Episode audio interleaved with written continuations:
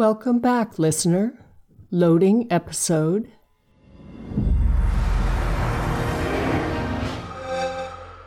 Loading completed. Enjoy your spell episode.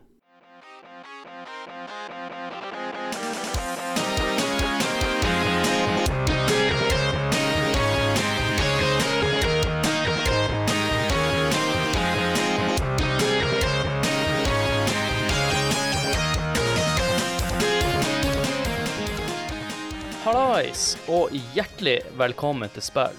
Podkasten der vi tar et dypdykk i eldre, men også nye spill. Og spillet drives av meg, Adrian Haugen, og Håkon Puntervold. I denne episoden så skal vi snakke om eh, en litt nyere konsoll. For min del så var det den første konsollen jeg kjøpte i voksen alder. Vil si at etter jeg ble myndig. Nå hadde jo vært, slik sånn at eh, under oppveksten så var jo en veldig stor Nintendo-fan. På dette tidspunktet så begynte jo Nintendo GameCube å bli gammel konsoll. Og i mellomtida så hadde jeg kjøpt gaming-PC og eh, spilte veldig mye på PC i noen år. Rundt 2007 så var det på tide med en ny konsoll. Og det som hadde skjedd her, var jo at Nintendo hadde valgt ei anna retning med sin eh, Nintendo Wii.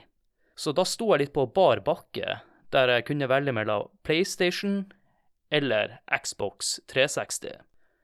Og hovedårsaken til at jeg valgte Xbox 360 da over PlayStation 3, var rett og slett håndkontrolleren. Så det var min vei inn med å kjøpe Xbox 360.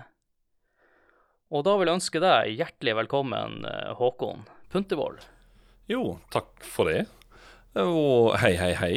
Det, er gøy at du egentlig sier dette var første konsollen du kjøpte når du eh, ble myndig, eller etter du hadde blitt myndig. Og eh, vi deler den historien her, faktisk. Eh, til tross for at vi er Det er litt aldersforskjell mellom oss, men uh, jaggu, jaggu.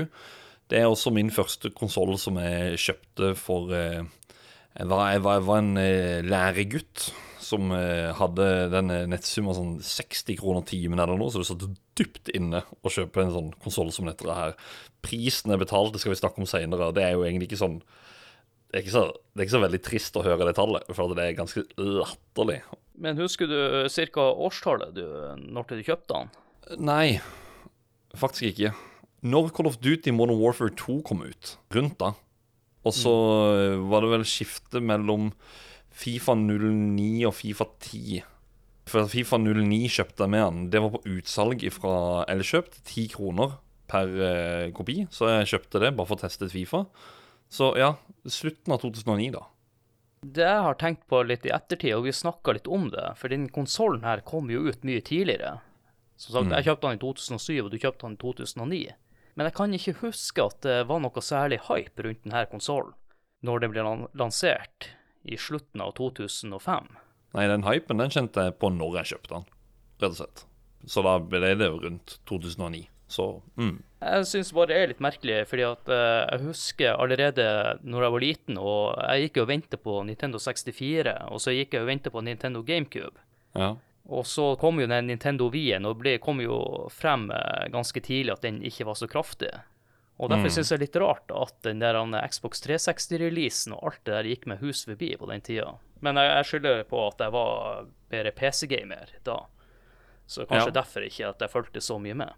Vi kan jo alltid ta oss og høre med disse gjestene som var med oss i dag, og se om de har noe svar på dette. Det høres ut som en god idé, Håkon. Ja. Det er, altså, Disse to kongene de deler én ting. For de er moderatorer inne på eh, vår Discord-kanal. Som, som, dere finner link til i beskrivelsen, forresten. Så dere må altså sjekke ut den. Eh, Førstemann ut han har jo vært med før, så vi kan, vi kan ta med han. Uh, går egentlig under navnet Fotprompt inne. Jeg holdt på å si det.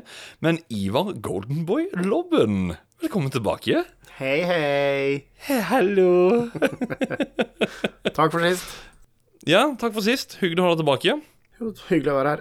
Og Xbox 360, betydningsfull konsoll? Meget. Veldig, veldig, veldig mange timer. Ja, ja, uten tvil. En av de med flest timer, vil jeg tro. Fikk du konsollen rundt release, da, eller var du sånn som oss som fikk den noen år etterpå? Uh, jeg har jo trodd at jeg kjøpte den uh, rundt release, Og på en måte så gjorde jeg det, men jeg kjøpte den svarte. Jeg kjøpte Elite-utgaven når den ble utgitt. Ah. Og jeg har jo godt og tenkt at jeg kjøpte den jo når den ble utgitt, og det, det gjorde jeg jo, men den ble ikke utgitt før eh, i 2007. Det stemmer. Og det er faktisk den samme konsollen jeg kjøpte, har jeg funnet ut i ettertid. Jeg har faktisk den konsollen og esken og kvitteringa enda. Nei, ikke Eliten jeg kjøpte, jeg kjøpte Proen. jeg. Men eh, da tror jeg også at vi spør eh, den andre gjesten, som også er moderator inne på vår Discord-kanal. Han går der under navnet Gel Pool, men han heter Jon Eilef Lundesgaard Pool. Velkommen. Takk, takk. Hei, hei. Hei, hei. Ja, Xbox 360 og ditt første møte. Jeg trodde jo jeg kjøpte den veldig tidlig. eh, men det viser seg at jeg kjøpte ikke Xbox før i 2010. Da kjøpte jeg eh, 360 Slim. Uh, den, ja. Den er fin. Det er en meget, meget pen konsoll. Svart og veldig, veldig stilren, og mindre enn den vanlige. Gjennomført sånn bua foran og Touchknapper på åpning av CD-rom og Stemmer, stemmer. Det var ikke de her knappene som du måtte trykke på. Det var så noen eh, spesialutgaver husker jeg, med litt sånn spesielle lyder i og ja, og sånt. Det er jo interessant da at det er egentlig ingen av oss som kjøpte han på release, eller fikk han rundt release og mange år senere. Det er jo også interessant, som vi alle har sagt her, at eh, vi trodde alle at vi kjøpte han mye tidligere, eller mye nærmere mot eh, release, da. Ja, for det, det er den Altså, Nintendo hørte mye om. Det leste til og med på VG. Selv om jeg har funnet ut av nå i forkant av denne episoden her at det faktisk VG dekker en hel Altså alle launch-titlene hadde de en egen sånn guide til, så de skrev jo dritmye til denne her. Eller Rune Fjell Olsen fra Level Up, faktisk, som, som skrev det. Denne launchen der har faktisk bare gått med hus forbi. Jeg kan ikke snakke for alle oss, men uh, som jeg nevnte innledningsvis, så var det vel ikke Xbox som var i, i, som mitt hovedfokus da. Jeg husker jo når den første Xbox kom ut, og var ikke så særlig glad i håndkontrolleren, og den håndkontrolleren fikk jo mye tyn. Så den konsollen der, den, det havna litt i glemmeboka for min del. Og så håper man jo at eh, Nintendo skulle klare å ta seg opp etter eh, GameCuben. Fordi at satsinga til eh, Nintendo følte jeg, i hvert fall da når jeg ble mye eldre, at de var, begynte å bli litt mer barnslige. Mm. Det de gjorde med Nintendo Wii, så følte jeg at ikke det traff helt meg. Nei. De gjorde jo store endringer fra Xbox til Xbox 360, og jeg tenkte jeg skulle fortelle dere litt om hvordan det skjedde. Oh.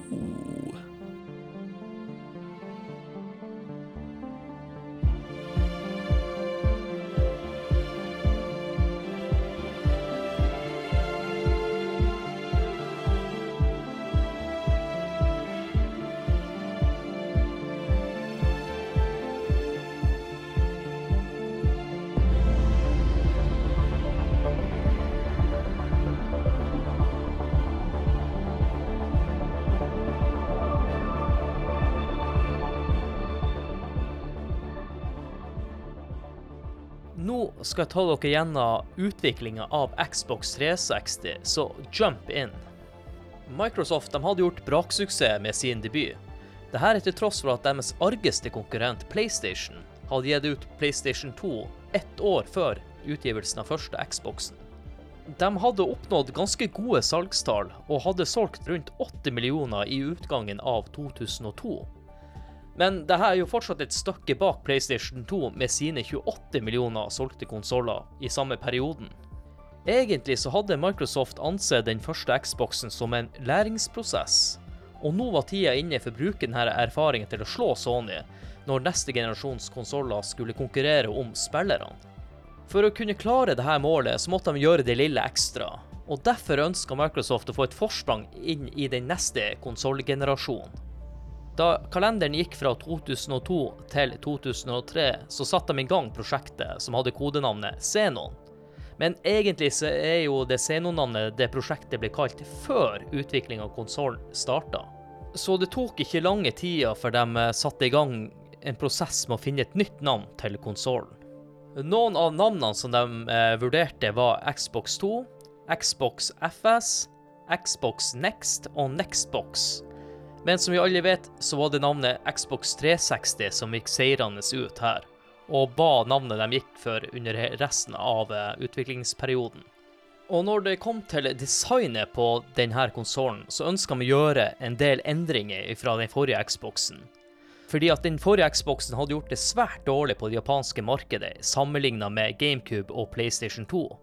Og de mente at hovedårsaken til her var design og størrelsen på både kontroller og konsoll. De ønsker også å legge til noen nye features til den nye konsollen, og det var å gjøre den nye håndkontrolleren mindre og trådløs. Dette tiltaket ville gjøre at Xbox 360 ble den første konsollen hvor det fulgte med en trådløs håndkontroller. Microsoft hadde satt en veldig tight fremdriftsplan for det her. Så utviklingsteamet hadde bare ett år med utviklingsperiode før produksjonen skulle settes i gang, og dette var i starten av 2004 som var planlagt. Målet for denne tidlige produksjonen var at de ønska å gi ut konsollen på markedet i utgangen av 2005. Og datoen ble valgt fordi at Microsoft tenkte at deres konkurrent Sony ville utgi sin neste konsoll rundt denne perioden. Men dette viste seg ikke å stemme. For under E3 i 2005 så fikk Microsoft en gavepakke fra Sony, hvor Sony annonserte at PlayStation 3 ville komme på markedet i løpet av våren 2006. Den aller største gavepakken det var når Sony annonserte prisen for PlayStation 3, som var satt til 599 dollar. Og dette var hele 200 dollar dyrere enn hva Microsoft hadde annonsert dagen før for hva Xbox 360 ville koste i butikken. Da skal ta oss tilbake til selve produksjonen, og hvor eh, Microsoft var under et enormt tidspress pga. de her tighte fristene de hadde pålagt seg sjøl. Så derfor valgte de å outsource chip- og hardwareproduksjon. Dette var egentlig ikke bare for å spare tid på selve produksjonen, men de mente også dette ville redusere produksjonskostnadene. Til sammen så var det rundt 200 forskjellige leverandører engasjert, og den første Xboxen besto av hele 1700 komponenter. En ulempe med denne outsourcinga og å bruke så her mange underleverandører ville være fremtidig vedlikehold og reparasjoner. Når Microsoft lagde den første Xboxen, så hadde de designa komponentene før de hadde designa kabinettet. Men denne gangen så valgte de å designe skroget på konsollen først, og så designe komponentene med hensyn til konsollen. Og med den nye prosessen og den korte tida fra design til produksjon, så var det ikke satt av mange nok konsoller til debugging og testing. Det var satt av totalt 500 maskiner for dette formålet, men i realiteten burde det ha vært satt av hele 1500 maskiner. Det ble etter hvert innrapportert fra ingeniørene at konsollen sliter veldig med overoppheta grafikkort, minne som ikke fungerte optimalt, og problemer med DVD-drivere. Og fellesnevneren for disse problemene var høy temperatur. Høsten 2005, bare måneder før lansering, ble det rapportert til ledelsen at for hver hundrede konsoll som ble produsert, ville 68 av dem ikke fungere. Og mange internt ønska å utsette denne lanseringa av konsollen, grunnet alle de her feilene de hadde avdekka. Tross alle de her advarslene, så valgte ledelsen sammen med Peter Moore, som var vice president for entertainment-avdelinga, i spissen å gi ut konsollen som planlagt. De var for fokusert på å gi ut konsollen uten eh, noen form for konkurranse, og utnytte det her. Og denne avgjørelsen skulle jo vise seg etter hvert å koste selskapet svært dyrt. Og pga. alt det her oppstyret, så ble ikke den endelige lanseringsdatoen lansert eh, før to måneder før selve lanseringa. Og en viktig informasjon de valgte å ikke gå ut med, var hvor mange enheter som ville være tilgjengelige fra dag én i butikkene. Dette bidro jo selvfølgelig til store spekulasjoner om at Microsoft ikke ville klare nok enheter ute i butikkene til lanseringsdagen. Og dette igjen ble jo også etter hvert bekreftet av butikkene, som kunne rapportere at de kun hadde fått tilsendt en tredjedel av si bestilling. Xbox 360 ble klar for salg 22.11. i 2005, og før nyttår hadde de shippa ut hele 1,5 millioner konsoller. Vi skal senere snakke litt om de utfordringene de fikk underveis, men vil trekke frem at Xbox 360 ble i 2009 kåra av IGN til tidenes sjette beste konsoll av 25 konsoller. Og det ble totalt solgt 84 millioner Xbox 360. Sånn, det var et lite utdrag av utviklinga til Xbox 360. Og da lurer jeg på, er det noe jeg har fortalt dere nå som var nytt for dere? Eller er det noe annet dere har lyst til å kommentere til det som jeg har sagt nå? For min del så var det ganske mye som var nytt her. For uh, dette er jo mange år siden for min del, og ehm, jeg var ikke så interessert i den type detaljer når jeg kjøpte det. Jeg skulle bare spille, jeg. Så det er ganske mye nytt her. Ja, det er jo det som er kanskje litt hovedgrunnen med hele, hele greia. Denne delen av episoden er jo å fortelle litt hvordan det var. fordi at eh, på den tida så var heller ikke jeg så interessert i det her, og, og jeg fulgte ikke så mye med på spillnyheter. Jeg skulle ønske jeg fulgte litt mer med på den tida når det kom til spillnyheter. Det kan jo hende man hadde i hvert fall snappa opp at den konsollen kom ut i 2005, og eh, For det gikk jo rykter eh, rundt det her, og jeg tror på selve lanseringa så hadde de leid en svær flyhangar der publikum kunne kjøpe konsollen og inn og teste konsollen. Jeg klarte ikke å finne bilder ut av det, så det så ut som et veldig sånn kule arrangement. Og det, det syns jeg er litt kult i, i gamle dager. Det var mye mer fest rundt sånne konsollreleaser. Nå er vi dessverre til all, all in online. Eh, Mye pga. et virus som her er rundt òg, da. Men eh, jeg må jo si at jeg, Ja, jeg måtte jo le når disse navnene kom opp. Xbox 2, Xbox FS, Xbox Next og Nextbox. Altså sånn Jeg er sjokkert, for å si det sånn, med tanke på hva de har kommet med navn er Xbox, Xbox 360, Xbox One, Xbox Series X Det, det er sånn Det er sånn, ja, Det, det er lite oppfinnsomt, syns jeg. veldig lite oppfinnsomt. Og litt forvirrende. Ja, på mange måter. Ja, de, er, en, de er jo fortsatt forvirrende på de navnene. og så er det jo litt sånn der eh, eh, OK, de, de brukte hva det sa for noe 500 maskiner til testing og eh, debugging og sånt. Når de egentlig skulle hatt mer, de gidder ikke å annonsere hvor mye som kommer ut til butikkene. Grunnen til at de ikke ville annonsere, var jo fordi at de ikke hadde nok maskiner, og reservekapasiteten deres var jo defekte konsoller som var produsert. Men, men fortsatt, det er en sånn finurlig måte å gjøre det på. Personlig så syns jeg jo den konsollen her gjorde det dritbra.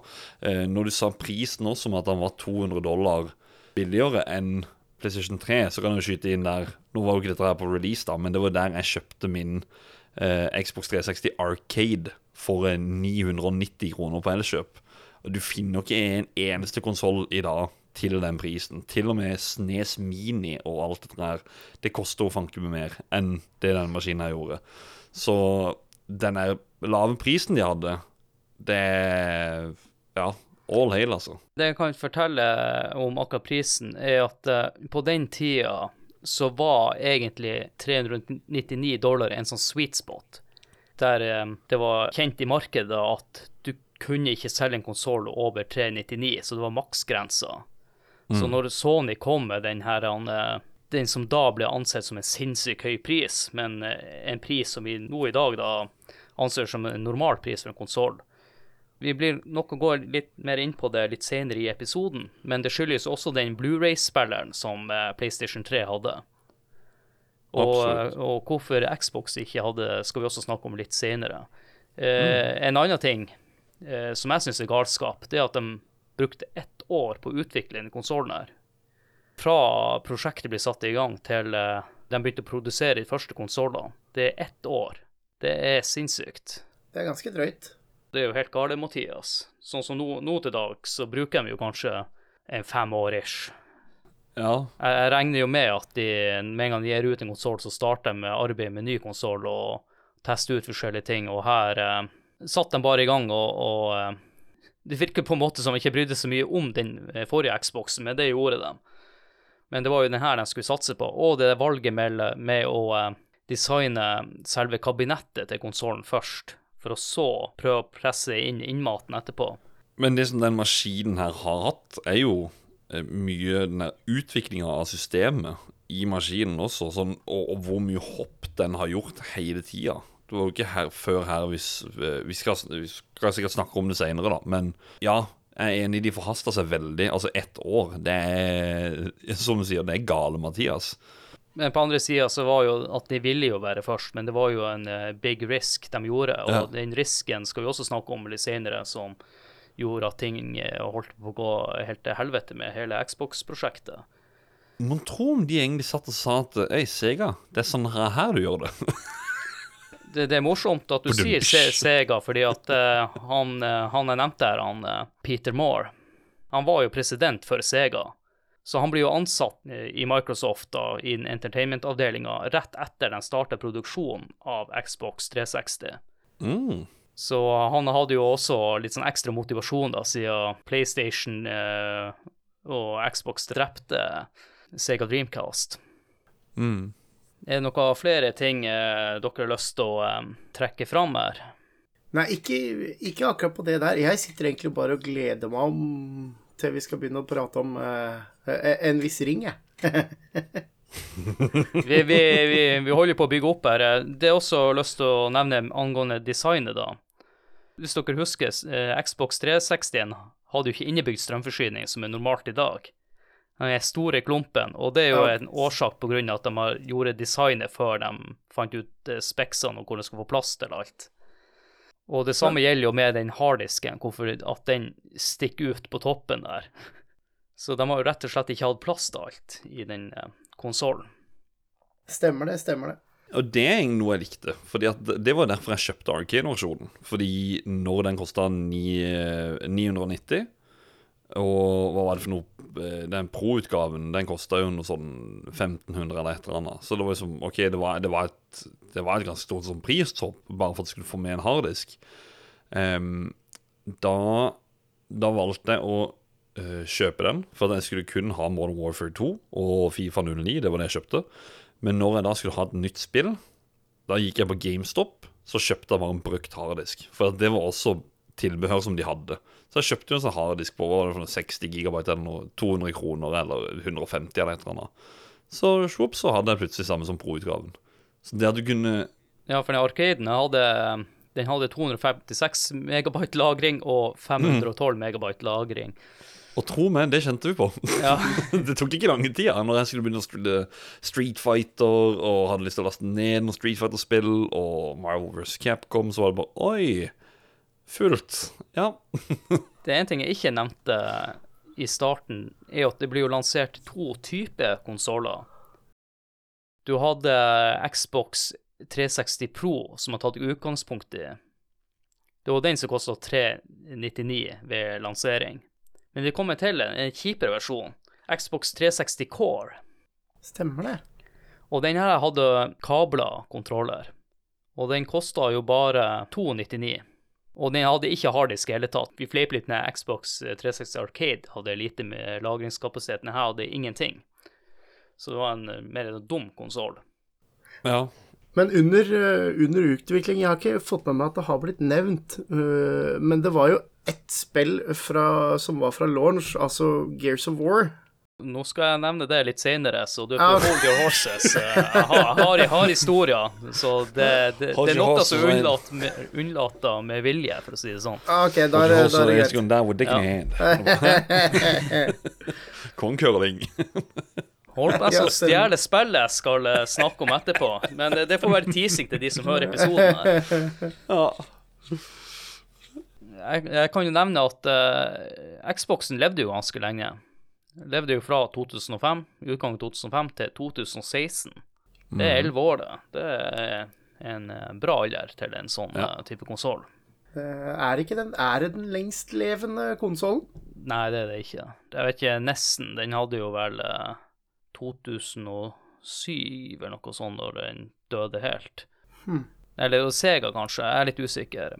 Ja, Sega i Brasil, de lever jo ennå. Ja, det er jo greit. Ja, men Men det, det- Sega i Brasil, det- det, det er- er noe helt eget, ass. Det er faktisk noe helt eget. det. Ja. Men ja, altså elleve år langt. Ja. Men eh, hva dere synes om eh, designet til Xbox 360? Nei, jeg liker det godt. Da går vi primært for den første utgaven, Ja, gjør vi ikke det? Ja. Jeg, eh, jeg likte veldig godt den svarte eliten jeg hadde. Jeg syns den var kjempepen å, å se på. Kontrollen, da, hvis du tar med designet på den òg, så jeg, jeg, Det var beste konsollen jeg, eh, jeg har hatt eh, av alle fram til da. Fra nesen og oppover. Uten tvil. Gelpool, eller Jon Eilef, du, du gikk jo for eh, S-utgaven, men den første Var det skyggebanen for at du ville ha S, eller var det Nei. Nei, det var vel rett og slett fordi det var den som var tilgjengelig når jeg skulle kjøpe. Mm. Og den, den har jo løst visse problemer som den andre hadde. Det var større harddisken. Det var 250 gig harddisk i min. Så jeg hadde evig med lagring. Men kunne du bytte en ut like lett? Nei, den var intern. Den, den var intern, så du måtte eventuelt åpne konsollen og så lagt inn en ny en, da, men 250 gig på 360. Putta i en eh, ekstern harddisk på USB-kabel. Det kunne du òg, ja. Mm, og når min kom, så hadde det også cloud-lagring på 2 gig. Ja, Det var vel starten på det òg, ja, rundt 361. Det var cloud-lagringa. Den var jo ikke på første, nei. Nei, altså, Jeg har hatt den i, siden 2010, og jeg sjekka den i stad, det er en 110 gig lagring på den, og jeg har hatt en bøtte med spill, så det er ikke, har ikke vært et problem i det hele tatt. Det er gull. Personlig, sånn for min del, eh, jeg gikk jo som jeg sa for Arcade, så det var jo egentlig som han ene sa, at det var, han var ganske st- stygg, den konsollen. For han, han mangler sånn den der- den er toppen som, som den der harddisken eh, eh, topper, på en måte. Den, den, lille hatten. Den, ja, den gjør han fin. Og så var det plutselig at det var en hvit konsoll. Du var jo vant med litt sånn Ja eh, Grå for, for, Xbox Ja, grå, grå mørk. At det var liksom mørkere farger på konsollen. Ikke, ikke kritthvit eller sånn. Så det var jo litt sånn Hm. Men eh, Ja. En ble vant med det. Jeg synes jo det var jo litt spesielt valg å ta med den eh, hvite konsollen. I hvert fall når de gikk fra svart og grønn til hvit og grønn. Jeg er enig der. De prøvde vel også å endre litt image fra den første Xboxen eh, til eh, den Xbox 360-en. Om det skyldes de ville ha et større fotfeste i det asiatiske markedet, kan godt hende. For den eh, første konsollen var jo svart og grønn og en svær klump, og, og som jeg nevnte innledningsvis her også, at de brydde seg mest om innmaten og ikke så mye om designet. Jeg mener også at de valgte sånn her type design for at det skulle se finere ut i stua også, for de hadde fått kritikk for det, da. Uten tvil at det ble, eh, ble gjort. Uten tvil. Sånn sett, sånn utseende på den, eh, den Xbox 360 den var jo mye snillere. Men det virker jo også som at det kun var Xbox 360 de valgte å gå for den hvite fargen, for nå virker det som at de har eh, Etter den da så kom jo Eliten og alt det andre også i svart.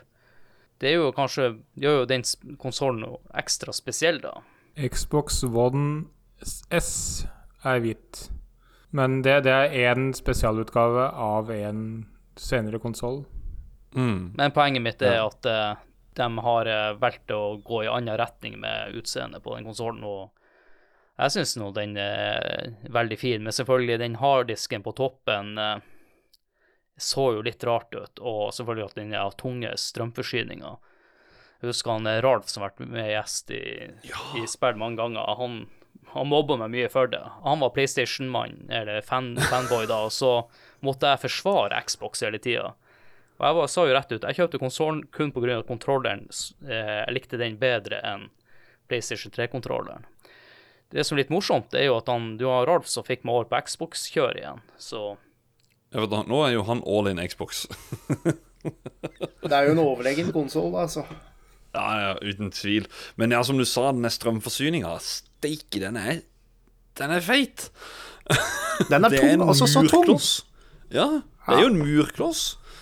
Jeg har jo litt info her at uh, mafiaen borte i USA uh, de brukte de defekte eh, Xbox 360-maskinene og strømforsyningen deres til å knyte på skoene eller feste til skoene så de sank ned i, i Nei, det er tull. Nei, nei, nei. nei. Det er tull. Ja, det er kanskje tull, men nå ga jeg i hvert fall deg med en god, et godt tips, da, for det er vel en god del defekt. Og du ga meg en god latter. Trodde de slo meg Jeg trodde de slo meg, dem, jeg. Å, herregud. Wow. Ja, nei, jeg, jeg, jeg ser for meg at noen kan ha veiva rundt med de og, og slått, i hvert fall. Det, det er nok ingen tvil. Men ja. Eh, Hvis de klarer å løfte den, da. ja. ja. Det som var et steg tilbake da for Xbox 360, var jo valget å gå for DVD. Men, men eh, selve valget for DVD er litt mer komplisert enn som så. Fordi at uh, Blu-ray er jo et produkt uh, fra Sony, altså konkurrenten, mens uh, på denne tida når de skulle eh, jobbe med det formatet, om de skulle gå for HD-DVD eller ikke, var at uh, Microsoft de hadde inngått et partnerskap med Toshiba, sto for eh, formatet HD-DVD, som var konkurrenten til Blu-ray. Den krigen var jo egentlig ikke en krig, og det gikk jo egentlig ganske raskt for seg. Men alle de, de partnerne og sånn valgte til slutt å gå for Blu-ray-formatet. Noe som igjen gjorde at uh, Microsoft ikke hadde noe format, og derfor gikk de over til DVD. Og det er jo det som gjør at uh, noen PlayStation-spill har én plate, mens Xbox har en fire-fem plate. Ja, Vi kommer, på, vi kommer til å prate litt om en, en add-on senere. For vi, Ja. har, vi, har, vi har en liten liste der, i hvert fall. Men, eh, men ja. Uh, Blu-rayen de tjente greit på en Sony. Litt hell i uhell gjorde jo da at Microsoft var nødt til å tenke i nye baner. Og de var jo først ute med å prøve å få til noen sånn streamingmuligheter på konsollen sin. De kjøpte jo inn eh, filmer og diverse som du kunne streame. Og det var jo en eh, ganske kjent aktør nå innenfor streaming eh, som ikke drev på med streaming på denne eh, tida, og det var Netflix. Og Netflix de opererte på en måte at de hadde DVD-plater som, som de sendte ut til folk som hadde lyst til å låne filmer. Så de sendte dem i posten. Og så når du sett filmen ferdig, så sendte de den tilbake igjen. Og det var Microsoft som ville inngå et samarbeid med Netflix. Om de var interessert i, i sånn her ordning, da, som vi kunne ha inne på Xboxen. Så på en måte så kan vi jo kanskje si at er Microsoft som har vært med og skapt eh, Netflix på mange måter. Mm. Det skal i hvert fall eh, Microsoft Soft ha, i hvert fall. At eh, de prøvde å, å tenke ut eh, nye muligheter hele tida. Og i forkant av denne episoden så har vi sett på Det ligger ute på YouTube eh, dokumentar eh, fra utviklinga til Xbox og opp gjennom årene, da. Det jeg ikke var klar over, var jo at eh, sånn som vi snakker nå over Discord, så var vel Xbox de første til å innføre voice chat. Mm. Partychat. Så de har jo vært eh, i førersetet på mange ting. Eh, vi skal snakke om det eh, snart, når Håkon skal snakke om add-ons. De så også mot konkurrenter, der kanskje konkurrentene har prøvd å bare se på egne ting og finne opp kruttet eh, sjøl. Så har Xbox vært smart og så lært av sine konkurrenter. De har jo det. Altså er det jo litt den der ikke sant? Altså, Hvis det er PlayStation, hvor, hvor du har hatt PlayStation i veldig mange år, plutselig skulle begynt med jeg sier da voicechat eh, som en standard, og at de liksom de endrer på imaget sitt, eller hvordan, hvordan de eh, Ja, altså åssen du spiller sammen med folk, da. Eh, med Xbox så var det jo der med en gang altså du fikk det levert, og så var det jo det at Xbox 360 tror jeg også er veldig ny for folk generelt. Sånn at det, denne voicechatten, som, som jeg sjøl husker, det var jo vi brukte vi brukte den en god del, men så gikk vi over til Skype, som også var en ting før. Men, men eh, ja, jeg tror egentlig det er det som liksom følger litt med konsollen, at de, de også kunne ha flaks der. da. Hadde det f.eks. vært eh, når konsollen kom ut i 2005, og så kommer ikke voicen før i 2009, så kanskje ikke like populært på en måte, men eh, ja. De hadde heldigvis den teknologien når de starta med 360, og det var jo litt sånn da at uh, mange valgte å gå videre på Xbox pga. Det, det her tilbudet, da. Og så vil jeg også snakke litt om Xbox eh, Live Arcade. Men det som også er litt interessant, er jo innføringa av Xbox Gold, som uh, kosta penger, husker jeg. Jeg husker han Ralf sa til meg at det er Xbox Gold, det er jo latterlig, du må jo betale penger for å spille online og sånne ting. Men Xbox Gold, vi kan jo se på en måte at det er kanskje forløperen til GamePass. Jeg har abonnert på Xbox Gold siden det kom. Jeg fikk nylig høre en kollega at han uh, syntes Xbox Gold er så drit. Så sier han Xbox Gold? Hva, hva det, du sa? det er jo GamePass nå! Ja. er, er Xbox Gold en ting fortsatt? Men ja, Ja, ja, det, det det. er det. De kommer ut med spill månedlig, de òg. Jeg har hatt det helt siden det kom på Xbox 360. Jeg lurer på hvor mye penger jeg har lagt igjen der. Ja, det er bare å gjøre mattestykket, holdt jeg på å si. Nei, det er vil jeg ikke. For å si sånn, det er sånn mattestykker du aldri skal regne på. Det er, Ja, sånn, eh, det, det er litt teit det med luksusfellen, hvis vi bare snakker oss litt bort. Det er jo det at eh, hvis du summerer opp all eh, dasspapir du bruker Herregud, har du brukt 10 000 på dasspapir? Det er jo helt sinnssykt, ikke sant? Men du må jo, du må jo tørke i ræva, ikke sant? Det er, det er ikke sånn at du våkner en dag, og så slutter du å drite, liksom. Det, du må det. Sånne regnestykker, det, det syns jeg egentlig er litt sånn bias. Det, du, har fått mye underholdning eh, for det Uten Xbox tvil. Uten tvil. Og bare sånn liten sånn side note der når du sa luksusfellen, og så er vi på 360. Det var jo faktisk en som måtte si eh, Å å, nei, inntil mitt Xbox, inntil mitt Xbox. Ja, så han måtte selge Xboxen sin. Og det var full gråt, faktisk. Så den konsollen har betydd mye for folk. Og da er innblanda i luksusfellen. Men det som er også interessant med Xbox Live Arcade, var jo at de begynte å ta litt tak i retrospill igjen. I love it. Da må jeg bare nevne en liten ting som egentlig har gått med både hus og rekkehus forbi, er jo innføring av Fiasko eh, Game Room, som ble lansert i 2010. Hvis, no, hvis- hvis noen av dere har vært inne i Game Room i det hele tatt. Nei. Det er jo litt sånn sånn som med Meverse. Ikke sant? Du, du hadde jo de han, eh, avatarene. Ja, stemmer det. Så kunne du gå inn i en sånn arkadehall med avataren, og så kunne du se på kompisen din og spille inn i en arkadehall. Sånn at du kunne se over skuldra når han spilte, for å gi den der, han gamle retrofeelingen. Så du kunne oh, se folk spille på den måten, da. Jeg holdt på å si Twitch. Ja, Men, men, det var jo også nei. med PlayStation innførte jo også noe sånn der, eh, Meverse-opplegg som også var en fiasko etter hvert. Så det var i forbindelse med det, da, at du skulle Mm. bruke avatarene dine. Men eh, Håkon, du spilte vel mye på de her retrospillene, tenker jeg. Selvfølgelig gjorde jeg det. Selvfølgelig gjorde jeg det.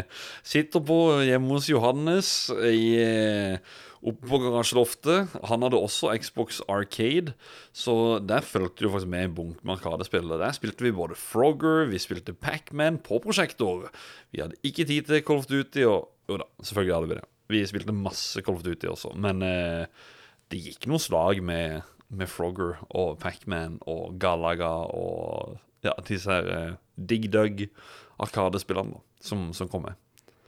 Og det var jo det spillmarkedet også, som generelt. Det, jeg husker jo Doom var jo der.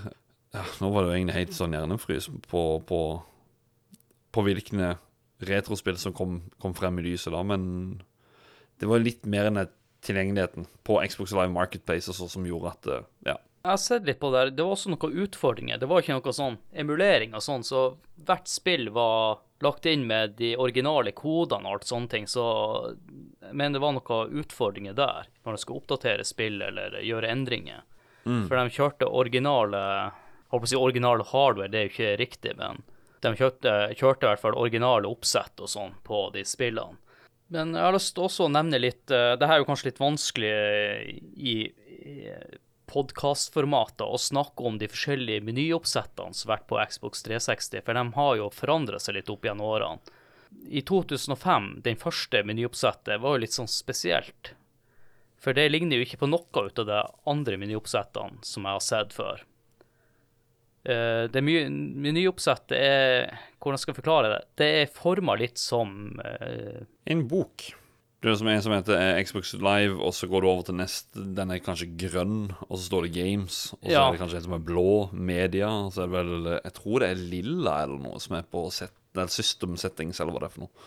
Sånne her forskjellige farger. På en måte så kan du si at du tar nettleseren din og så snur den på sida, og så for å skifte side, så trykker du bare på tabben på sida. Sjøfler gjennom uh, sider, rett og slett. Ja. Eh, I 2008 så skjedde litt endringer, og det er kanskje den menyen vi kjenner best til. Der du har den lista på venstre side, som du bladde opp og ned. Mm. Jeg husker i hvert fall eh, Nå nå blir jeg nevnt Ralf mye i episoden her, men han likte ikke den Xbox-menyoppsettet i det hele tatt eh, i forhold til det PlayStation hadde på den tida. Hei, jeg likte dette her mye bedre enn PlayStation, for å si det sånn. Det PlayStation syns det var drit. Det jeg kanskje kan si om begge, er at det ble mye blading. Du bladde nedover, Ja. og så måtte du blade mye til sides. Så i 2011 endra jeg menyoppsett igjen, som er litt mer likt det vi har i dag. Og til slutt så endra jeg også menyoppsett igjen til 2014, og jeg må ærlig innrømme at jeg, når, når jeg har sett på de bildene, så jeg klarer ikke å se noe særlig stor forskjell. Det kanskje litt Nei. med fargebakgrunn og litt sånne ting, og Det var med og gjorde at jeg ikke var med videre på Xbox. Fordi at jeg så bare Ah, det er jo samme greia. Det er jo bare en oppgradert maskin. Så bra. Det du ser på Xbox på menyoppsettet de hadde fra 2011 og utover, eh, igjen så ble også endringer i 2014, det er jo at den ligner mer på det PlayStation hadde på den tida. Så de har rett og slett sett på konkurrentene og innsett at eh, konkurrentene at de har et bedre oppsett enn oss. I stedet for å være sta og sånne ting, så har de tenkt ja, ja, da bør vi kanskje innrette oss etter dem, da, og gjøre det bedre. Prøv, prøve å lære litt. Ja, men det er jo også litt fascinerende over når man ser på alle menyene fra den starta til den slutta, hvor eh, sant, De har jo på en måte utforska konsollen sin i denne perioden etter lanseringa. Og det er jo ikke så ofte man er borti det. Man får noen oppdateringer, men det er ikke alltid at så her store endringer i løpet av eh, livssyklusen til en konsoll. Og eh, jeg vil også trekke frem eh, av achievements, som gjorde Jeg husker når jeg begynte med achievements, det var litt sånn Nei, achievements, det er jo bare, det er bare noe drit. Det er jo ingen som bryr seg om det. Men det er jo blitt en veldig viktig del av gaminga nå. Jeg bryr meg fortsatt ikke. Ja, ja, du, ja, men du er spesiell. Men hvis det er et spill du virkelig liker, så er det den ekstra utfordringa du kanskje trenger. Det er det. Det gir, det, liksom, det gir noe ekstra. Det gir deg litt mer å kjempe for. Og å kunne sammenligne det med kompisene dine som også har samme spill. Hvem har fått achievements, hvem har fått dem først? Ja. Hvem har fått achievementen han andre ikke har fått? Ja, for det er litt sånn gøy at du sier, for det, det husker jeg sånn Altså, nå tuller jeg litt da med, med achievements-greiene, men jeg er ikke så veldig mye på det nå. Den at folk skal plette ting på PlayStation, det er en helt vill greie. Men jeg husker det var litt sånn achievements var spennende på 360, og det du sa der, Jelpul, med, med at du liksom sammenligner med kompiser, så er det Si at du har spilt et spill i sånn ti timer, og så har du en kompis som har spilt i en halvtime, og så bare eh, Du, hvor, hvor, hvor fikk han den achievementen herfra? Han har bare spilt en halvtime. Jeg har spilt i ti timer. Hva er det har gått glipp av? Så utforsker jo veldig, på en måte. Eh, Utforsker spillene mye mer. Jeg eh, mener jo også at det var eh, Microsoft eller Xbox da som var først med achievements ute, og så kom jo PlayStation etterpå med trophies. Det er jo også igjen at de var veldig nyskapende på mye. Vi har jo snakka eller hinta frempå det her under hele episoden, da, men det er jo endelig på tide å snakke om eh, Red Ring of Death, som egentlig ikke er en hel eh, rød ring. For eh, Red Ring of Death er tre ringer. Og den fjerde ringen, når den kommer, så tror jeg det er noe power cord fail. Failure eller noe sånt. Og så har du jo Red Ring of Death, som er tre ringer. Der er det jo noe internt uh, hardware som er, ikke fungerer, da. Og Red Ring of Death er jo årsaken til at uh, Xbox uh, 360 begynte å gå dunken. Fordi at de første Red Ring of Death, de, jeg tror de begynte å poppe opp eh, allerede i starten av 2006. Det ble jo ganske stort oppstyr av det her, og folk begynte å legge ut videoer og diverse. Det var jo krisemøte i Microsoft hvor de eh, diskuterte hva de skulle gjøre med det her problemet. Og de hadde jo to alternativer. ene var å legge ned, og det andre var å eh, ta tapet, da. Og det, Microsoft valgte jo selvfølgelig, vi vet jo nå i dag, at de eh, valgte å ta tapet og reparere samtlige konsoller. Og den gangen kom regninga på litt over 1,1 milliarder dollar, mener jeg, noe sånt. Et annet tiltak var å øke garantitida fra ett år til tre år. Var det noen av dere som opplevde Red Ring of Death? Nei, Det er bra du spør, Håkon, for jeg har opplevd det to ganger. Så de salgstallene eh, totalt, da har i hvert fall jeg bidratt til tre ut av dem. Og den første var jo den Proen. Og så tror jeg mener det var én Elite-konsoll som eh, røyk, og så hadde en til eh, Elite-konsoll. Jeg har eh, ikke opplevd det på mine, eller min egen konsoll, men jeg har vært borti det at kompiser har fått det. Men uh, det her er jo hele grunnen til at han Gelpool er med i denne episoden, for du har jo eh, skrytt av at du har reparert eh, eh, Xbox 360 som har eh, fått Red Ring of Death, og hva var de erfaringene med det, da? Eh, En kompis fikk Jeg husker ikke om han hadde, det var hans egen, eller om han fikk en veldig billig som hadde Red Ring of Death. Og vi hadde lest på nettet hvordan man skulle fikse det. Og grunnen til Red Ring of Death var vel et grafikkort som ble for varmt, så det bøyde seg. Så trikset vi gjorde, var at vi starta Xboxen, pakka den inn i ei dyne, la den opp ned på siden i en time, og tok den ut av dyna, og da var den i orden. Så vi har rett og slett overoppheta den og smelta dritten tilbake til der den skulle være, og det fungerte. Vi Da, da lurer jeg på om du hadde Red Ring of Death med to lysende For jeg mener to var overoppheting. At det var uh... jeg, jeg husker ikke, dette er jo 2009-ish. Greia var det, mener jeg, at det var eh, grafikkortet, og inni grafikkortet så Utfordringa var rett og slett at eh, når folk spilte på konsoll, så mye av og på hele tida. Så det var store temperaturendringer. Sånn at uh, de komponentene ble raskere svekka enn beregna. Og i tillegg så var det jo, som jeg nevnte, at de brukte mange underleverandører i tillegg. Og hadde en, eh, et kabinett da, til konsollen som hadde lite lufting. Ja, for eh, jeg, jeg husker naboen min Han hadde fått eh, der, eh, altså, en halv sirkel, altså to streker. Så da, det vi gjorde da, da åpna vi egentlig bare konsollen, og så støvsugde vi den. Og så slo vi den på igjen. Funka fint, den. Men den, den kom eh, etter hvert som man spilte. Det var vel egentlig det som var, det var, det som var tanken min da, at eh, Ja, men da Da, Reidar, da støvsuger vi maskinen, da, så åpner man opp. Det var jo bare sånn, det var en svær hybelkanin som lå liksom rett i der lufta skal gå inn, da. Og da er det jo eh, Når det skjer, så går det jo utover hele maskinen. Så det er jo Ja. eh, Og det er det som får meg til å tenke på at den eh, Jeg opplevde jo aldri dette her med min Arcade, og det har vel mye med å gjøre at den aldri sto inni noen TV-benk, kan stokke noe nede på gulvet eller noen ting. Den sto alltid åpent, fritt, altså egentlig sånn som ja, rett på siden av PC-skjermen eller fra skrivebordet hvor PC sto, også ned til TV-en. da. Nå, nå ble jeg usikker, men jeg mener at alle mine også sto.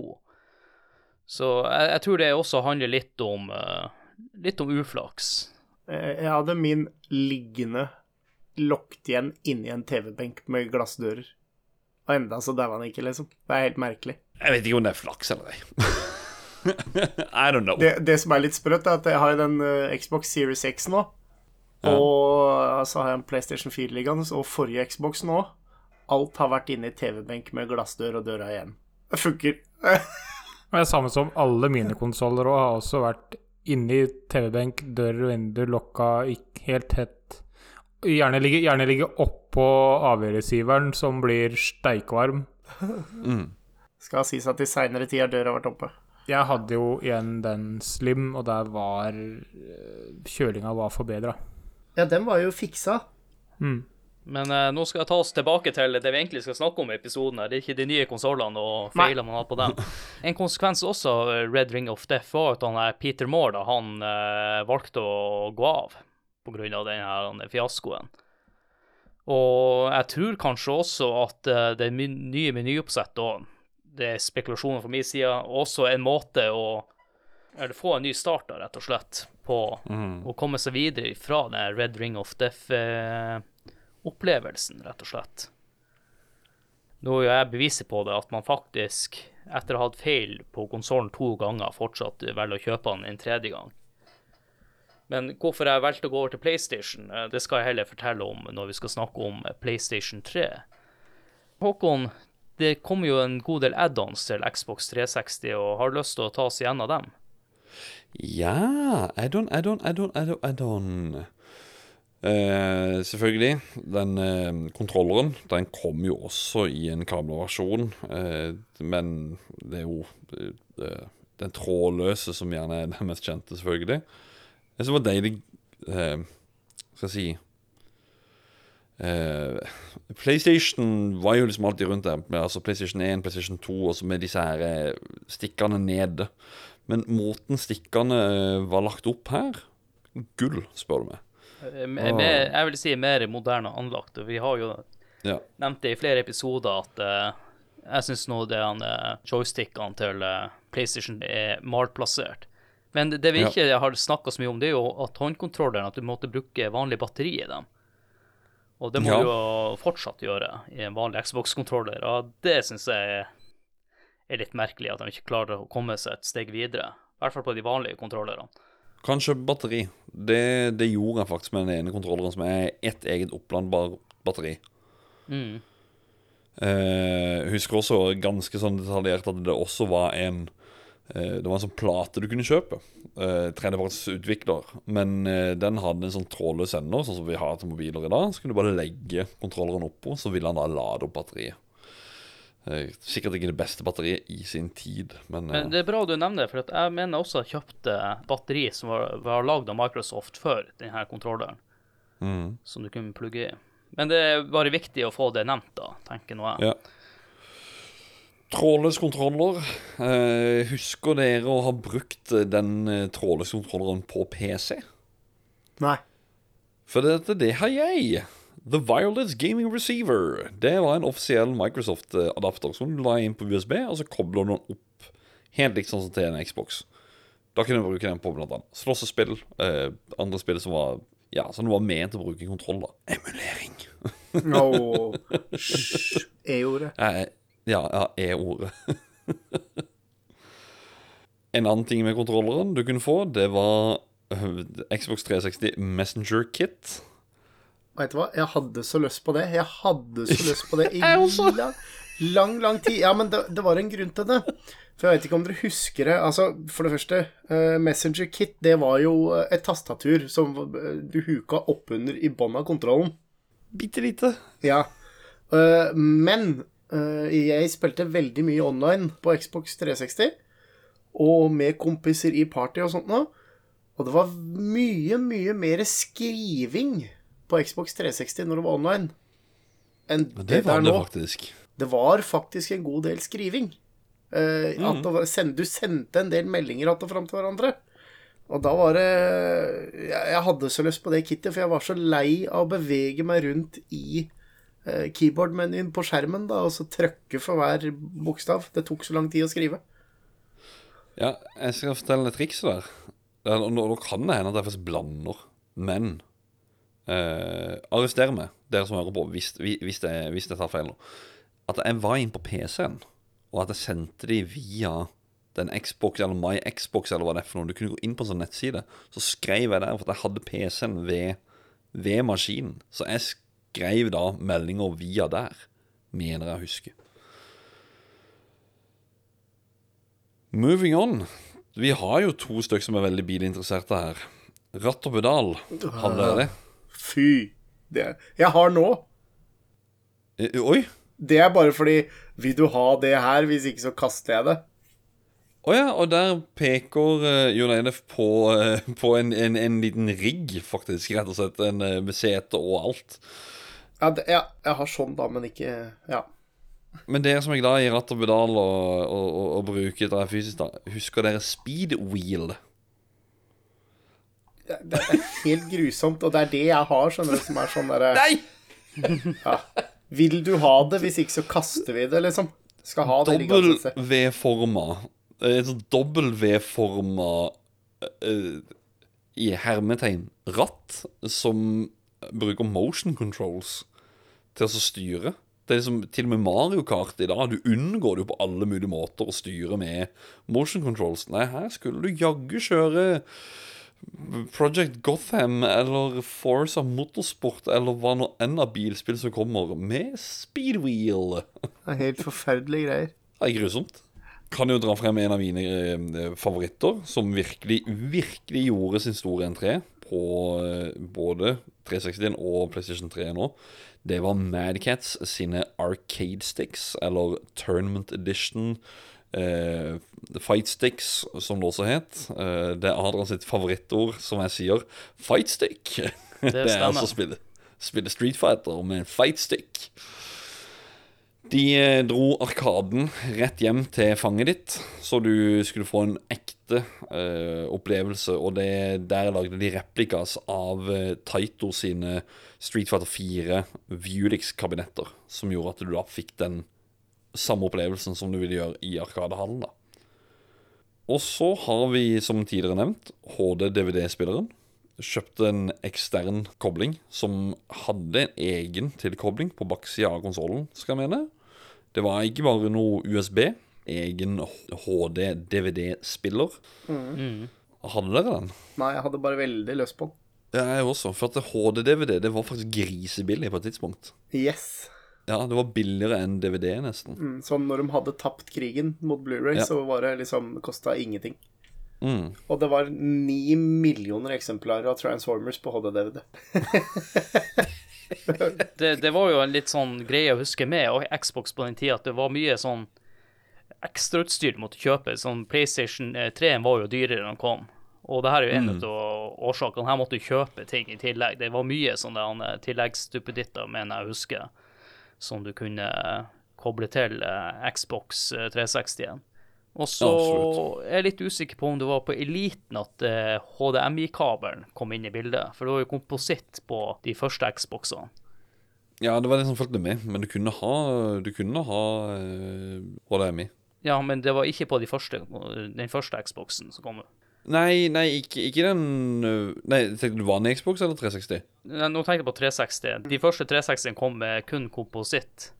Ja, Core, ja, men, men Arcade, den kom ut med HDMI. Ja, men nå, jeg snakker om eh, Proen og, og Coren. Ja, sånn, ja. ja, ja. For, for de kjørte vel noen av spillene i 720P, var det ikke så? Det var ikke, det var ikke alt, det var bare noen av dem.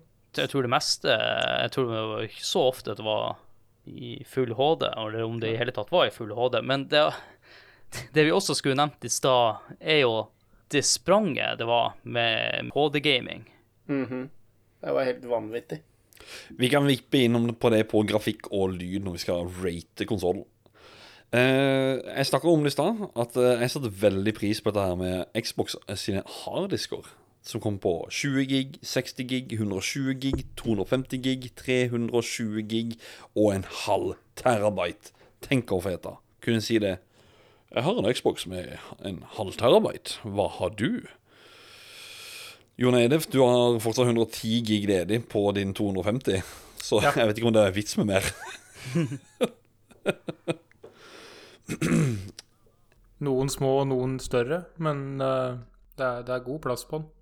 En ting som du, Jon Eilif, antagelig har gått eh, glipp av delvis, eh, siden du hadde S-utgaven, det er faceplates til konsollen. Kan dere huske at det var en greie? Jepp. Fy, og mye stygge konsoller det finnes der ute av Fytti 360-en. Det, det, det jeg husker av det, er at eh, det òg lå i sånne digre kørjer på Elkjøp eh, for 19 kroner stykket. Utsalget må ut den uken. Én Ja, hvis- krone per stykk. Ja, Ingen sånn. ville ha det. Nei, faen, det er jo forferdelig. Jeg må ærlig innrømme at jeg har ikke sett noe til det i hele tatt, men jeg tror ikke fokuset mitt var på det i det hele tatt. Eh, Det var overalt, til og med tredjeparts uh, utgaver av det. Bare. Det var, det var faktisk eh, like vilt som eh, Husker du 3310, Nokiaen? Det å ha Hvilket deksel har du på telefonen? Det var liksom Jeg tror det var det nye forsøket på at Øy, nå skal vi selge deksler. Og det, det, det, bare- det bare funka ikke. Jeg kjøpte deksel, husker jeg, så jeg var veldig inntil dem. Ja, til Xboxen. Nei, nei, det gjorde jeg ikke, men til Nokia 32, nei, 3310-en gjorde jeg det. Ja, Der viser Jon Eilef bare sånn en rekke bilder. Det er altså, altså Bare google det. Faceplates Xbox 360 på Google. Jeg så- har en haug liggende ute i garasjen her som med forskjellige faceplates og sånn wrap til å ha rundt hele, sånn klistremerke som går rundt hele konsollen. Fy fælt. Ja, det er Hvis dere ønsker å kjøpe, så ta kontakt med Fotpromp inne på discorden vår. Send han en PM, så Hvis du vil ha noe så forferdelige greier, så skal du få et slag. Det er så ille her, altså. Eh, Håkon, neste sak er jo litt interessant. Project Natal eh, var prosjektnavnet. Det endelige navnet ble Kinect. Og vet dere hvorfor, hva årsaken til at de eh, lanserte Kinect var? Nei, jeg er ikke Nei. sikker på hvorfor de lanserte det. Jeg kan fortelle hvorfor. Når jeg snakker om eh, historia til eh, Eller når jeg snakker om utviklinga til Xbox 360, så var det en konkurrent jeg ikke nevnte i hele tatt. For eh, Microsoft de hadde så stort fokus, også for så vidt eh, Sony, de hadde så stort fokus på hverandre at de glemte av Nintendo. Og hva var det Nintendoen hadde til sin konsoll som ikke de hadde? Det var jo motion controls, det. Yes. Så det her er et svar på Nintendo sin teknologi, da. Kinecten. Men Kinecten hadde jo ikke motion controls, de hadde jo en sånn der han, eh, videokamera. Som motion capture, nesten. kamera med infrarød struktur på. Som eh, også er litt eh, artig at hvis du tar eh, Det her, her er faktisk fra skrekkfilmen Paranormal Activity 2 eller 3. Eh, da er det faktisk for at de skal se spøkelser, så bruker de faktisk den kinekten. De har satt opp et kamera med night vision mode på, og så er fortsatt eh, Kinecten, eller Xboxen, med Kinecten på. Så hele rommet som den filmer i retning, er bare masse grønne prikker. Bare gå inn og søk på, på Google. Kinecten Night Vision. Så finner du drøssevis av bilder og, og videoklipp av. Folk som beveger seg liksom i et Night Vision-rom, bare med masse grønne prikker, som da den tegner opp for å finne bevegelse. Jeg nevnte jo det for dere da at en kompis var betatester av Kinect. Så vi hadde Oi. den neste ja, halvt år, års tid før den kom på markedet. Og spilte Joyride og mange av de andre smågamesa, og vi fikk testa, testa det Night Vision-greiene, da. For vi fant jo en hack for å finne ut åssen det funka. Mm. Og ha, han leverte jo bare reviews av ting som var buggy, og vi, vi, vi testa og spilte jo masse. Og fant bugs og leverte inn. Og han fikk jo beholde den til slutt. Men du sa joyride. Var det en joyride? Eller var det sånn med tanke på Kinecten? Var det, var det gøy, eller var det Og Joyride var kjempegøy. Okay. Det, det, det var uh, faktisk et veldig gøy bilspill. I hvert fall hvis det var to stykker som kjørte mot hverandre, som sto ved siden av hverandre. Du kunne dytte, du kunne dytte til hverandre, og du kunne bruke dirty tricks på en helt annen måte enn spillet egentlig hadde tenkt. Knuffing på den ene måten. Eller, Ja. eh, du, du lener deg over og tar over rattet til den andre. Kan bare kjøre deg ut i grøfta en liten tur. Men det som er interessant med Kinecten, eh, var jo Eller det som egentlig kom, den konsollen som kom etter Xbox 360. Der holdt jo Kinecten på å, å drepe den lanseringa, men det skal vi spare til eh, en annen episode. Den skulle følge med der, ja. Stemmer. Apropos Kinecten. Vet dere hvilket spill som har solgt mest til Xbox 360? Er det Kinect Adventures? Oh yeah. Også for så vidt et veldig, veldig gøyalt spill. Ja, Floppans uh, tilbehør, spør du meg, delvis. Mest solgte spill? OK. Men apropos spill, skal vi hoppe over til å så snakke om noen spill? Ja, noen gode spill. Yeah.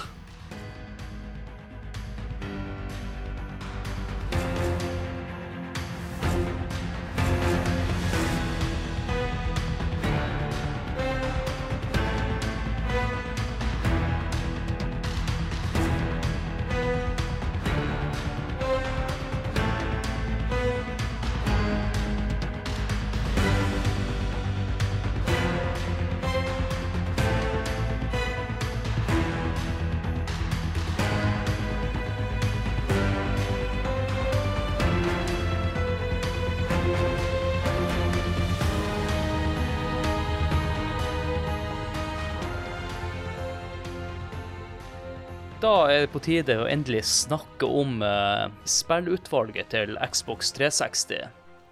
Det jeg også lyst til å nevne, som jeg ikke nevnte i stad med Xbox Live Arcade, var at også Xbox var en av de første som begynte å legge til rette for indie game-spillutviklere til å gi ut spill på sin konsoll. Han eh, Ivar eh, han holdt jo på å spoile, eller han har jo spoila allerede hvordan spillet har lyst til å trekke frem. Og hovedgrunnen til at jeg har lyst til å trekke frem Gears of War, er at eh, det spillet i seg sjøl var med på å endre Specs for Xbox 360. For i utgangspunktet så skulle de ha 256 megabyte ram til konsollen. Men eh, Epic eh, de var litt uenige der, så de viste fram en demo, en tidlig demo av Gears of War. Og så hadde de ordna egen hardware der de kjørte med 512 megabyte ram, og visste forskjellen mellom hva du kunne få til med å bare øke rammen. Og det her gjorde at eh, ledelsen valgte å gjøre det byttet, da, med å oppgradere eh, Xbox 360 igjen. Og så var det jo også ei utfordring eh, i starten også at mange av de trepartsutviklerne ikke klarte å leve opp til standarden som de ønska da. Også pga. Eh, Epic og Gears of War. Vi snakka jo om det i Hidden Gems, Håkon. Jeg tok jo fram et spill som ikke kommer på helt i farta, som driver på med cover-base shooting. Jeg nevnte vel også der at Epic henter inspirasjon til det spillet. Jeg husker, jeg, husker, jeg husker ikke spillet, men jeg husker soundtracket var helt forbanna amazing. De henter inspirasjon fra det spillet, og de klarte å perfeksjonere på en måte. Og det type gameplay så vi jo ganske lenge også. Ikke bare i shootere som Gears of War, men også i, i andre spill som uh, Call of Duty. Du har jo Uncharted til PlayStation 3 og Last of Us og Mass Effect og mange andre spill som brukte denne, denne type gameplay. da. Gears of War eh, i seg sjøl syns jeg var dritkult. Eh, jeg ble introdusert eh, Det var en kompis som heter Øystein, eller han fortsatt kompisen min, da, som introduserte meg for det her spillet. Og det var bare så blodharry at det blir tøft. Det her med med den lanceren, der du har mortorsag på maskingeværet, og de store knallisene, barske folkene, og var blodharry. Alt var blodharry. Det var så harry at det var dritkult. Det de kaller for gladvold, på en måte. At du, du, det, det er så mye blod og splett og alt at du bare blir sånn Høy! Ja, med folkene også. Alt var så harry på en måte at det ble dritkult. Det er derfor jeg har lyst til å trekke frem Gears of War, var jo at et spill alene var med på å endre speksen til en konsoll. Det syns jeg er kult. Ivar, hva har du lyst til å trekke fram? Jeg uh, har lyst til å trekke fram noe som uh, burde få en etterfølger. Eller en, eh, en oppfølger. Og som mange ønsker en oppfølger til, og det er uh, Skate 3. det er uh, altså så uh, magisk. Det er en open world tredjeperson skateboardspill, rett og slett. Det er, foregår i en, en fiksjonell by hvor skateboarding er embraced, rett og slett. Og det er det, det, det er rett og slett bare skate, kos deg, uh, møt eh, kjente skatere innen, innen skateverden og, og, og bare Ja. Det, det, er helt, helt magisk, og det har holdt seg. Det jeg skal si, jeg skal si det Jeg, jeg bytta jo veldig mange spill for å få eh, Ja, jeg, jeg var jo fortsatt lærling da når eh, Marvel vs. Capcom 3 kom ut, og det skulle jeg ha. Og så hadde jeg sinnssykt mye spill som jeg ikke spilte, og så tenkte jeg jeg bare bytter alle. Jeg angra som fy på at jeg bytta inn Skate 3. Så det var egentlig så fort jeg fyrte opp den igjen etter Marvel vs. Capcom-seansen, Skate 3. Magisk spill. Og, Ja, det, det, det, det er, er så bra, og det, det har holdt seg skikkelig, altså. Glad du nevnte det. Men det Det er egentlig det. det, det er, jeg har ikke så mye mer å si om det, annet enn at det, det, er, bare kos. Det er ikke Kan noe sånn kan jeg si stresselement eller noe sånt i det. på, på en måte at det, det her er skateboardens svar på Forsa i, i bilspillverden, for at Tony Hawk var jo litt mer staged, mens her har du muligheten til å gå rundt, som du sier, i en åpen verden. og Helt, helt riktig. Her uh, Dette er mer real. Uh, det jeg pleide å gjøre Du har jo litt sånn stat points her og litt, litt det greiene der. Kjørte alt i bånd. Gjorde skateren så dårlig som mulig. For, ja, men det, det henger med på at det, det blir så realistisk, da. Da Ja, er ja, ting sånn, ja. faktisk litt vanskelig. Du klarer ikke fire ganger kickflips og Nei. Det er, det er realistisk. Da er ting faktisk vanskelig, og da ser det bra ut, og det, da er det dritkult. Faktisk jeg kan huske det at jeg satt på et eh, vorspiel sammen med min bror og en eh, drøss av kompiser og han, og de var skatere alle sammen. Det var pilsing, det var musikk på anlegget, det var Skate 3 på TV-en. Det var, så, det var så mange vorspiel hvor det var spilling på skate som var greia, da. Så ja. Eh, Jon Eilif, hva du har lyst til å trekke fram?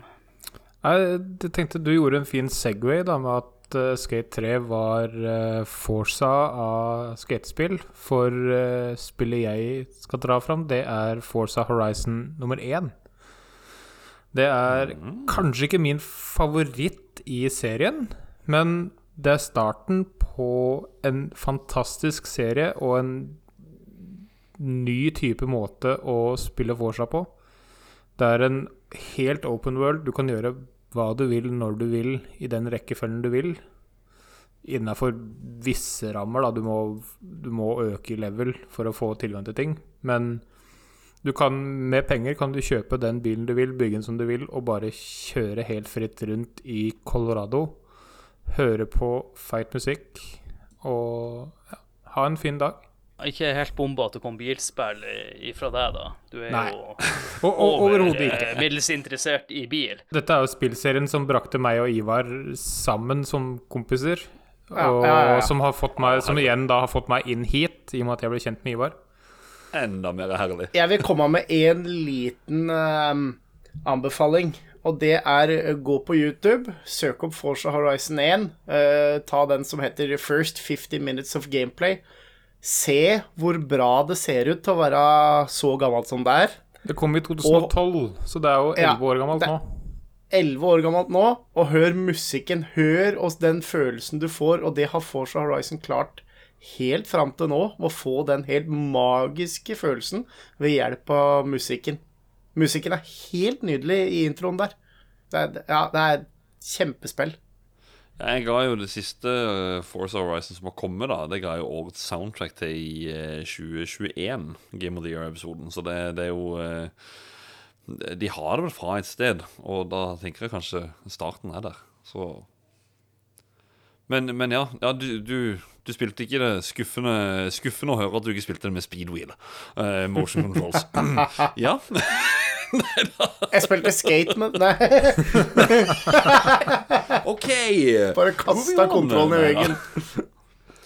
Men spilte du med ratt og pedal og full rigg, da, eller var det, eller var det kontroll? Det er spilt med kontroll, og alle Forza-spill jeg har spilt, er spilt med kontroll. Eh, jeg har Ja. prøvd Forza Horizon 5 med ratt og pedaler. Det blir ikke det samme for meg. Ikke når Nei, for det, jeg- jeg- det blir villbasskjøring der, egentlig. Det er litt for vilt for ratt og pedal. Jeg kan kjøre ganske villbass med ratt og pedal på andre Ja, spill, men uh, Forsa jeg, jeg har spilt 14 Forsa-spill eller noe. Husker ikke helt. Mm. Det blir bare feil å spille Shit. det med noe annet enn kontroll. Yes, eh, Håkon, eh, hvordan spill har du lyst til å trekke fram? Jeg velger å ta frem det som jeg ikke har nevnt gjennom hele episoden. For det var faktisk et spill jeg fikk med på denne her eh, Arcade. Og det var med en eh, disk som det ikke sto noe annet enn bare sort skrift på. Uh, Banjo Kazooie, nuts and bolts, not for resale, sto det. Banjo Kazooie betyr jo mye på Nintendo 64. Fantastisk eh, plattformspill. Eh, i minner med dette her. Og så plutselig så kommer det mange år etterpå, vi som hopper forbi GameCuben etter det her, og så bare Hæ? I sånn skikkelig nyoppussa grafikk og alt det her. Så jeg bare, nei, glem det. Jeg skal aldri spille dette her. Eh, meg og bestekameraten min, Lars, eh, sitter hjemme hos han, spilt Call of Duty i Modern Warfare 2 noen timer. Og så tenkte vi bare Skal vi bare sjekke åssen det er? Og så begynner vi, da. Og så var det Gikk jo timene. Og så var det Du, du dæven, dette her. Det var dritgøy. Um, mye god humor, blant annet. Spillet åpner med å liksom vise eh, Altså Banjo-Sui 1 og Banjo-Tui. Og liksom vise den kampen, da. Og så har åtte år gått siden Banjo-Tui. Så da filmer de nedover på huset til Banjo og Kazui. Og der sitter de ute. Han spiser pizza og er blitt en real tjukkas av en bjørn. Han er blitt gigantisk. Eh, og så sitter Kazooie og spiller noe spill. Og de lever bare livet. Eh, plutselig så kommer det en sånn eh, Hva er det for noe Kall det Det er en sånn eh, PC-skjerm med kappe som har sånn Pong-spill som ansikt.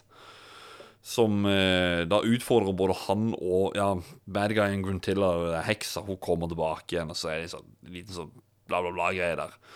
Så han utfordrer de til å gjøre en challenge. Eh, den challengen feiler de på. Så sier han da 'Hey, you failures', eller et eller annet. Så sier, så sier Nakasui at eh, 'vi er ingen failure, for vi har vært i mange spill'. Da svarer vi 'men har det vært i like mange spill som den der italienske sjarmøren'? Han bare «Æ, 'Nei, vent nå'. Det er jo referanse Mario. Så det er veldig mye sånn der, mye humor, breaking the fourth wall. Eh, går egentlig i det samme som de gamle spillene, men nuts and bolts Det ligger jo så litt i navnet at det, det skal litt nuts and bolts inn her. Og det er for å rett og slett bygge biler, eller fly, eh, fremkomstmidler, som du eh, Jo mer og mer du spiller spillet, eh, jo mer forstår du sånn OK, jeg må opp dit, ja, men da må du lage et fly. Og så må du tilpasse bygginga di til hvordan du skal få tak i disse her eh, puslebrikkene og sånt. da. Så det er beyond enn det det, uh, enn det, det var. Uh, Men utrolig gøy, faktisk. Uh, Det ble ikke så veldig godt mottatt vet du, i starten. Folk hata på det. Men jeg vil si da så er det en hidden gem, faktisk. Anbefales på det sterkeste. Ja, og når det kommer til hidden gems, så er jeg litt nysgjerrig på hvordan eh, er det med tanke på samlemarkedet, sånn Håkon, du som har litt innsikt i det, da. Hvordan gjør denne her konsollen? Er den blitt populær ennå, eller? Når det kommer til samlemiljøet, så mm, eh, Jeg skal ikke gå ut med fullt navn, men eh, Lasse, hvis du hører på, du, du vet hvem du er. Du har jo hatt en massiv samling av Xbox 360. Det, det er jo en billig konsoll sånn sett å eh, samle til, men sp spill sånn som Splatterhouse Eller nå er jeg litt i tvil på om det kom der, men eh, Lollipop Chainsaw, for eksempel, disse her Splatter-spillene som ikke har kommet til noen nyere konsoller, de er veldig sånn eh, De er folk gira på. Som på Nes. Hvor eh, folk er jo i USA, så er liksom The Holy Grail er stadium events. Eller det er én av de som da er sportsspill. Så er det selvfølgelig et sportsspill her også, og det er NBA Elite 11. Et spill som ble lagd, og det ble eh, I aller, aller siste liten så ble det kansellert. Så det ble produsert noen spill, men siden spillet ble kansellert, så kom det egentlig ikke ut i butikker. Men det har lekt ut til noen. Så ja, du snakker eh, alt ifra Ja, nå tar jeg og skyter litt fra hofta her. 50 000 for, eh, for en kopi. Altså, det er, det er et spill som ikke eksisterer, egentlig. Det er en holy grail skjult skatt, eller ja, jeg vet ikke Ja, hva jeg skal men det for sånn skatt. utgangspunktet så er det fortsatt billig.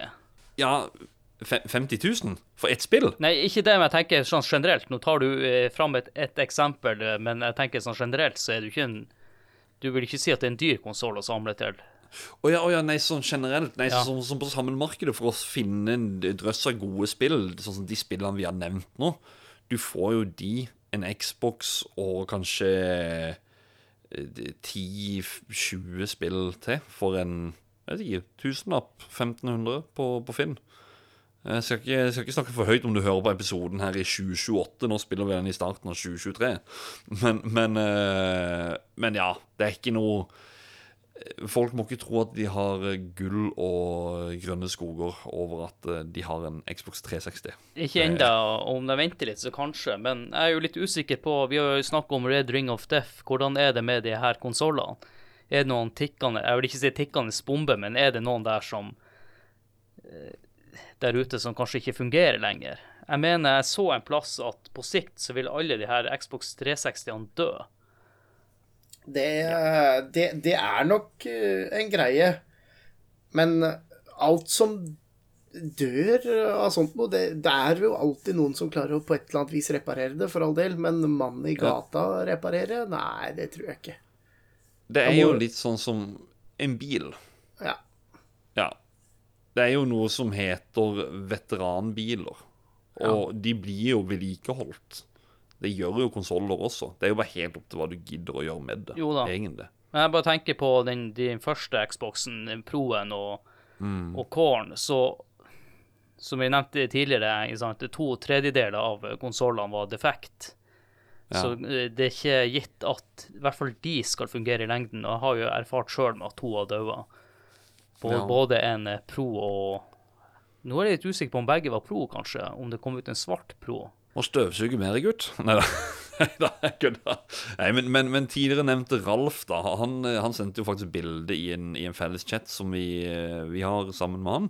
Og da, eh, da sa han æsj, for en ekkel konsoll. Da han hadde kjøpt en brukt.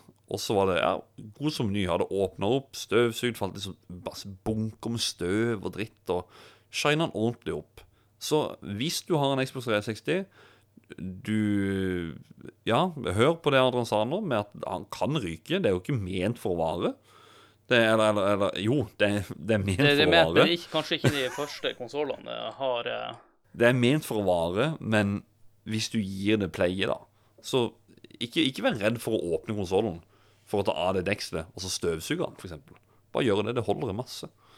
Og med de vise ordene så tenker jeg at vi skal gå over til å rate Xbox 360. Eller legge noen dyna og smelte.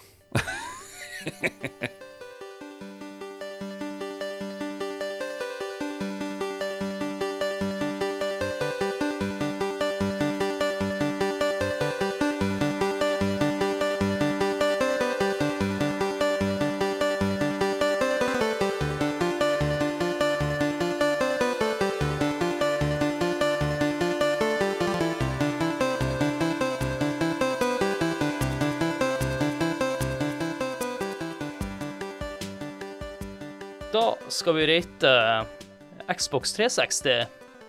Og vi skal ikke bruke Nintendo sin eh, karakterskala og kriterier denne gangen, for de har ikke kommet med en sånn type bedømming. Tror jeg i hvert fall, Håkon. Du får lese i bladene. Kanskje vi klarer å finne fram en, en eller annen gang. Jeg skal ta og se en gang i fremtidige blader. Kan hende det blir endra litt, men eh, innen den tid så har vi jo laga vår egen her. Og de kriteriene vi bedømmer ut etter, er utseende, kontrolldesign, brukervennlighet, spillbibliotek og grafikk og lyd. Og skalaen er fra 1 til 10. Håkon, utseende. Utseende eh, åtte av ti. Det er, det er clean, men eh, den der hvitfargen eh, Jeg, jeg syns det var litt sånn der eh, Ja. Redd for å få den skitten, liksom. Ivar. Kan jeg få bedømme ved den svarte? Nei, det er hvite vi skal ta. Hvite? Ja. Seks ah, ah, av ti. Seks av ti. Og Gelpool. Åtte. Jeg trodde jeg skulle være han strengeste der. Jeg vil gi det en 6,5 fordi at det er så mye som skjer utafor boksen, og ikke inni boksen. Uh, at han er hvit og grønn og sånn, det syns jeg er en kul design, men jeg trekker det såpass ned når alt skjer utafor boksen, rett og slett, med både harddisk og, og den gigantiske strømforsyninga som har eh, vært brukt som anker noen ganger ute i, utenfor, eh, i bukta der utafor New York, så Eh, kontrolldesign, Håkon. Altså, Jeg gikk jo over til å bruke den wireless adapteren eh, til, til PC, til og med. Så det altså, jeg har- elsker den kontrolleren, og jeg kan for all del koble til en kabla kontroll eller trådløs med den adapteren igjen, for å spille litt på PC-en. Jeg gir den ti av ti. Ja. Ivar. Er uten tvil eh, ti av ti og kunne fortsatt å bruke den i dag. Og Kjellpool Kan jeg få lov til å si elleve? Ja, men det blir bare ti uansett. du det kan er, si hva det du vil. det er ti av ti. Eh, jeg tok opp kontrolleren i dag og spilte 360. Uh, og den ligger like godt i hånda nå som da. Og kontrolleren var jo årsaken til at jeg kjøpte denne konsollen, så da må jeg gi det ti av ti. Jeg, jeg har den i hånda akkurat nå, og den er faktisk veldig god. Håkon, brukervennlighet. Brukervennlighet. Det var her de begynte med veldig mye den der logg inn, bla, bla, bla. Uh, veldig mye greier på menyen, selv om menyen er fin. Uh, koble opp Og måtte ha endra menyen ganske ofte. Ja, måtte endre konsollens look veldig ofte på, på menyer. Mm, Jeg gir det faktisk en syv av ti. For jeg syns det er Ja. Ja. Ivar. Jeg har alltid likt eh, brukervennligheten og menyene og sånt noe. Sjøl om de har endra seg ofte, så har jeg alltid klart å henge med og sånt noe. Jeg syns det har vært eh, helt tipp topp. Åtte av ti. Åtte av ti. Gelpool. Åtte av ti. Åtte av ti.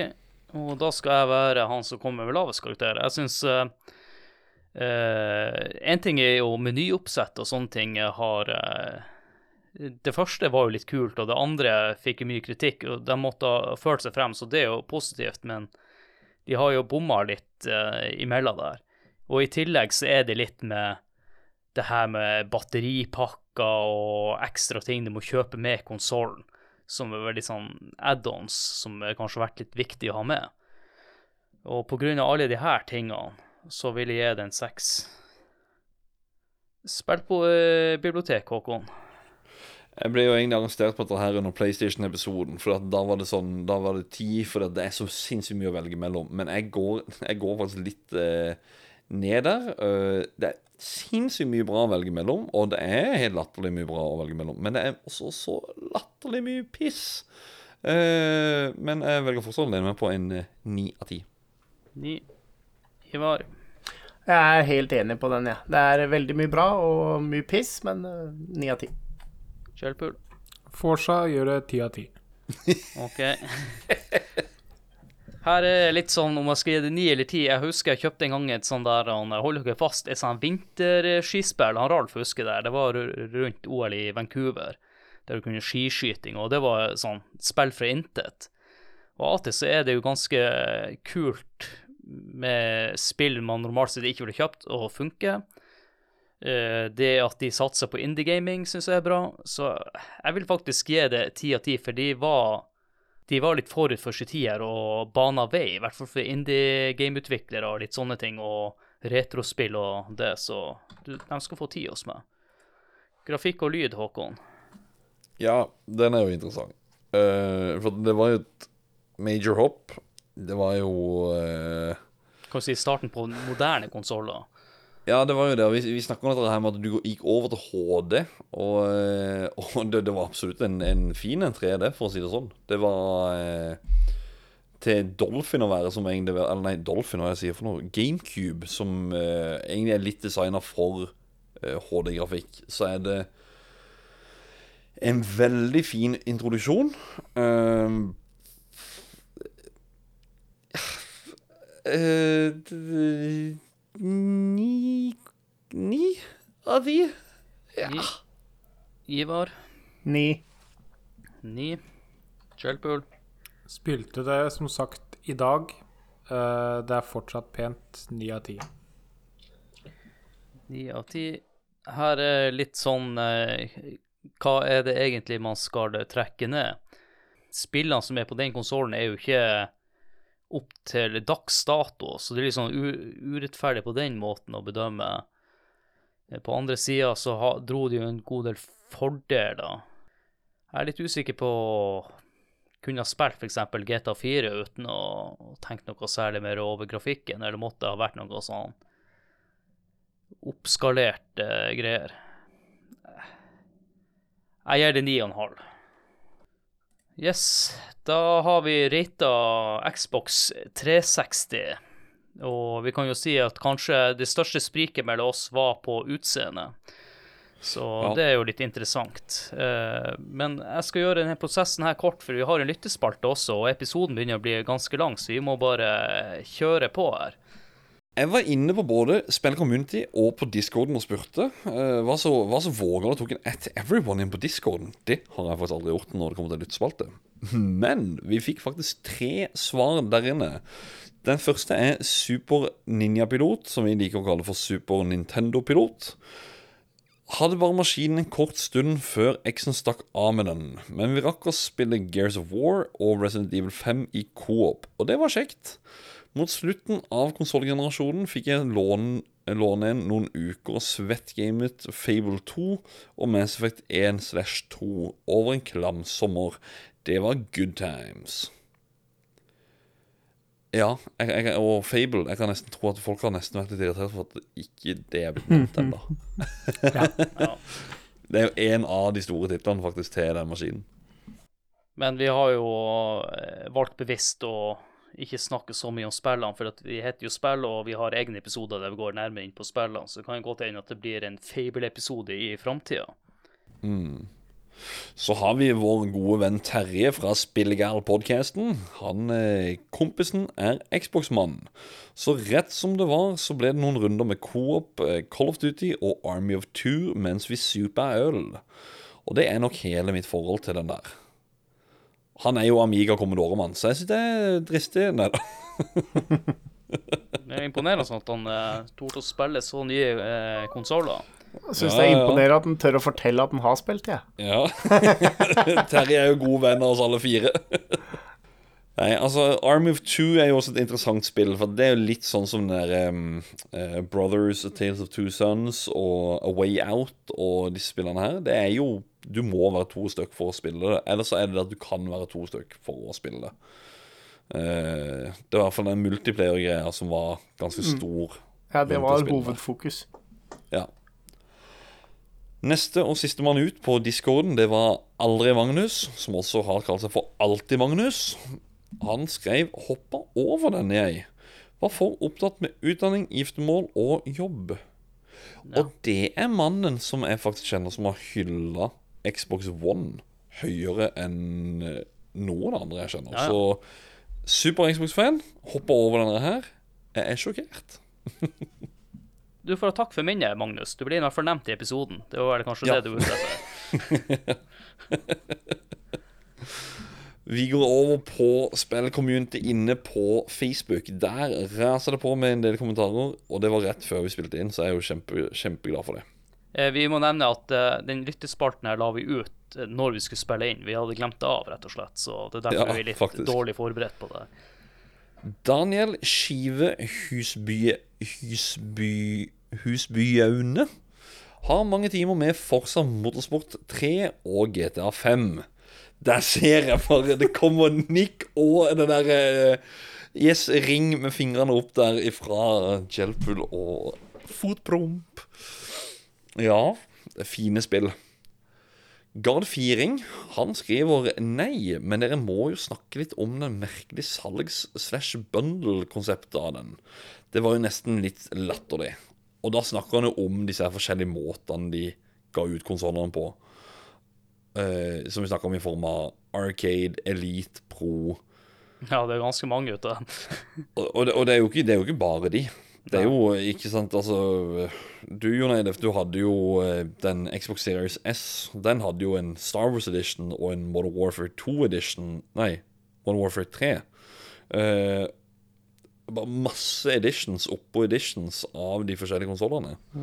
Ja, de, de Det kan hende han òg sikter til rare bundles, sånn som uh, den som Jon Eilef hadde. Den ble bundla med Forsa og Skyrim, Ja.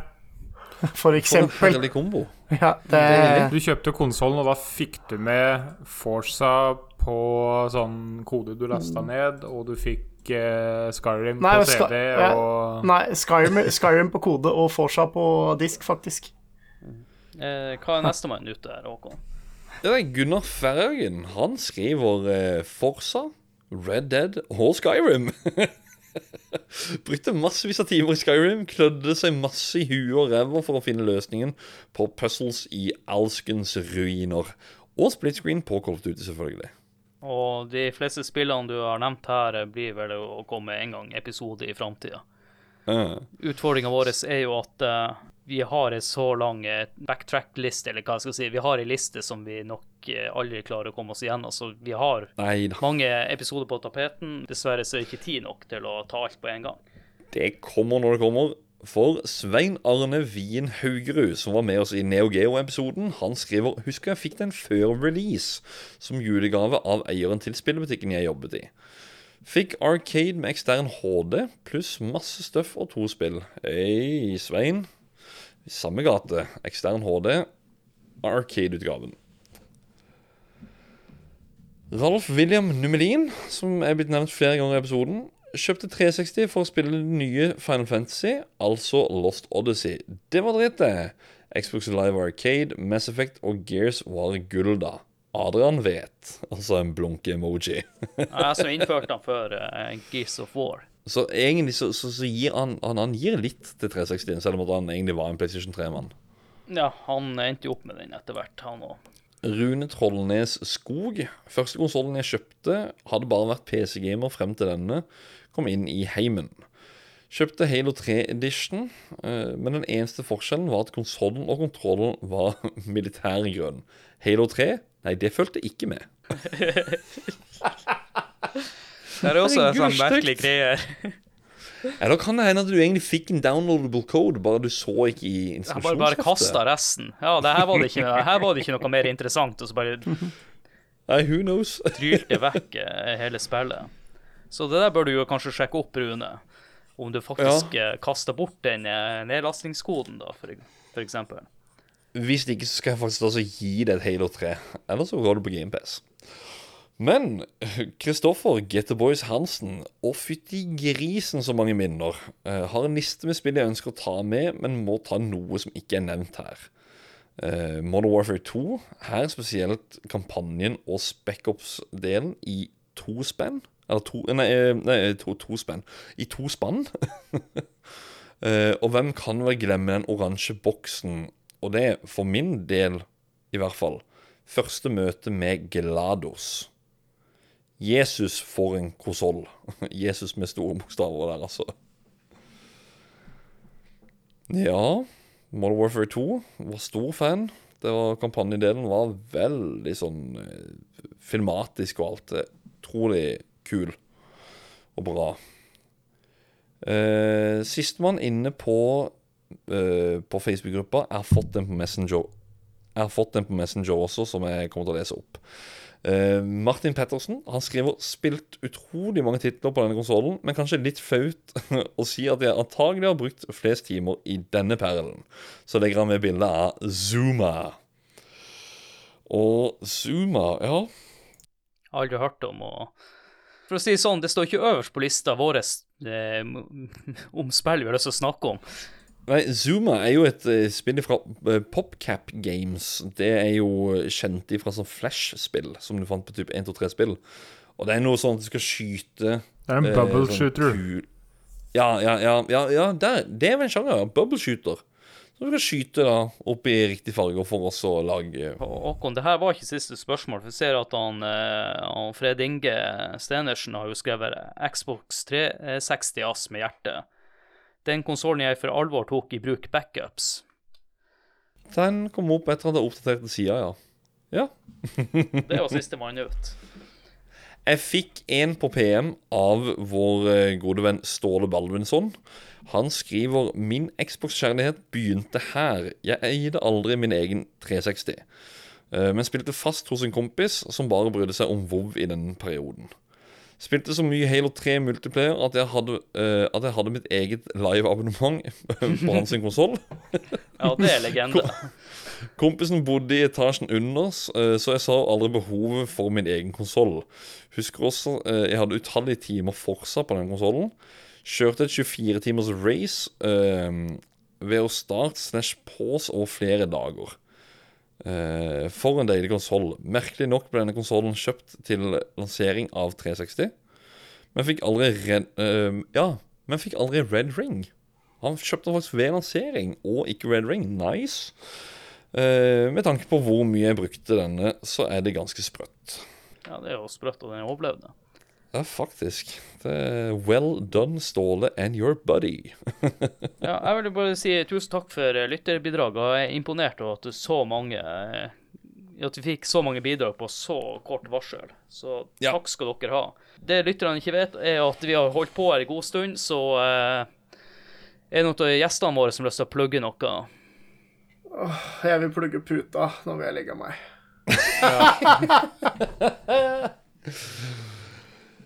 Så Hå Håkon, du får eh, plugge Jeg får bare gjøre det. Vil du ha noe sweet merch med spilleordene på, kaffekopp, T-skjorte, you name it, så kan du gå inn på spreadshirt-butikken vår. Den veiver faktisk Jon Eilef med akkurat nå, øh, foran kamera her. Uh, så kan du gå inn på spreadshirt-butikken. Link til det er i episodebeskrivelsen.